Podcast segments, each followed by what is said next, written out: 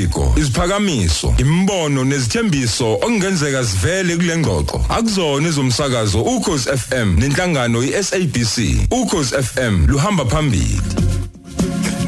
Sisivuka uqonde kabanzi ngezepolitiki. Ukhona umhlaziyi wezepolitiki usolwazi wepolitical science eh lapha eUniversity of the Western Cape. Eh siphinde sikubingelele dlakahle eh asibingelele shenge sibingelele ithimba lakho sibingelele nakubalaleli. Cha asingene lapha em kuningi nje kade silokhu sikubuka noSipho la. Eh kodwa ke mhlamba ke sibheke nje indaba yokuthi ingabe kubaluleke ngani ukuthi ke abalwela inkululeko la ikakhulukazi eningizimu Afrika naseAfrika nje yonke banakekelwe nguhulumeni? No kubaleke kakhulu eh shenge nawe Mthiya ngoba uma uzobheka ukuthi labantu laba badela imindeni yabo ingane zabo ezinye zagcina zingakwazanga ukuya esikoleni wabona bagcina bengafundanga ngoba belwela izwe. Ukuthi uma ngabe izwe selikhulekile iningi labo labekwa le kude kwathi abantu abangenzanga lutho ngoba yibona abangena ogqokweni.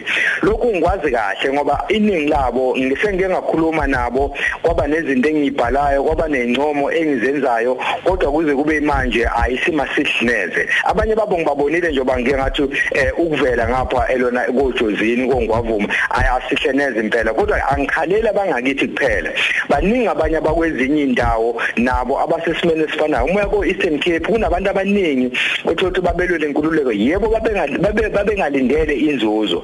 Kodwa uma sekukhona okutholakalayo angabe sekubeka ke phela kuye kwabanye abantu bona bangabe besanakwa emva komsebenzi ongaka bawenza ngaye Mozambique ngabona amathuna abanye abantu ababelwe umzabalazo yebo abanye sebabuyisiwe kodwa kuneningi esagcwele ngaphandle kwizwekazi laseAfrika nasemazweni angaphandle. Umbuzo uthi siyokwazi ukusiyisizwe ukuthi sizincome ngale senze senzayo ukuthi abantu ababelwe lenkululeko singabanaki ngalendlela mhlawumbe ke usakhuluma nje kanjalo yini mhlawumbe kufanele ke ibhekisiswe ikakhulukazi ke iNC kwingqungquthela yokukhetha ubuholi ngoDisemba? Eh iANC njengamanje Mroza nawe sigqemeza ilona qembu elibusayo kuze lonke umuntu ethanda engathandi.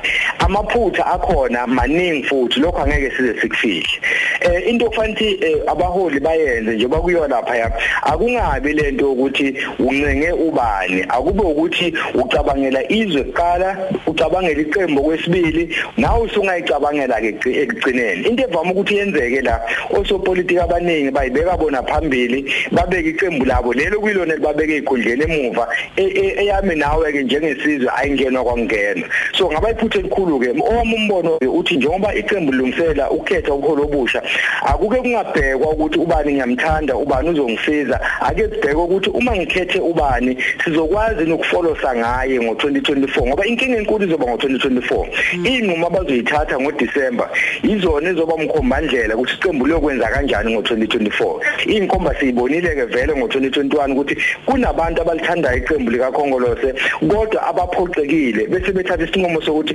kunokuthi sivotele elinye iqembu sovele singavoti inhloko uma ke bakabe bake benza iphutha ngoDisemba bangayibhekisisa kahle lento leyo na kanjani impela? Nongibuza nongibuza nengiphalulimi ukuthi ngo2024 hayi impela kuyoqhuma inhlavana ezinye ziyofekela. Mm uyazi usakhuluma kanjalo sesibheke kuona okhisimusi no December December 6 eh khona kuzobe kwenzeka. Ingabe mhlambe ke ibaluleke ngani inkulumo mpikiswano ezoba seParliament eh likazwelonke ngodaba ke likamongameli nephalaphala ngawo umhla ka6 December.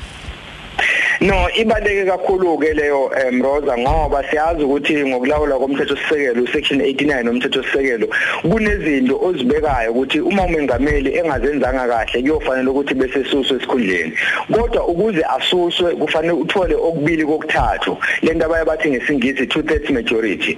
Into ke ezokwenzeka ngomhla ka6 December ukuthi amalungu eParliament ayabaka khongolose kuphela amalungu eParliament kufanele abheke umbiko wale committee labantu abathathu elihola uJustice uNqobo ukuthi babheke ukuthi ngabe ngempela kufanele ukuthi umengameli kusetshenziswe lesigaba section usection 89 nomthetho sisekelo ukuthi agudlule esihlalweni okuyinto engelula ke kodwa into ezibelula usection 102 lapho khona kuyayivotela ukungabe ungamethemba umuntu. Lokho kamengameli kwa section 89 into enzima kakhulu. Okusho ukuthi ke amaqembu ezombusazwe kufanele ngaphambi kokuthi aye kule nkulumo mpikiswano mhla ka6 December aqala yenze homework azi ukuthi yini afuna ukuyenza azoyenza kanjani umthetho sisekelo uthini bese enza lokho. Uma bezophakamisa imizwa bese ukucabanga kwabo kube semuva bawulimaza lelizwe bawulithatha balifaka emgodini omnyama esingazi ukuthi lobuya kanjani. Ithuba elikahle ke lokuthi uma belidingida lo daba babeke wena nami phambili bangazibeki bona phambili ngoba amaphutha bayowenza mhla ka 6 December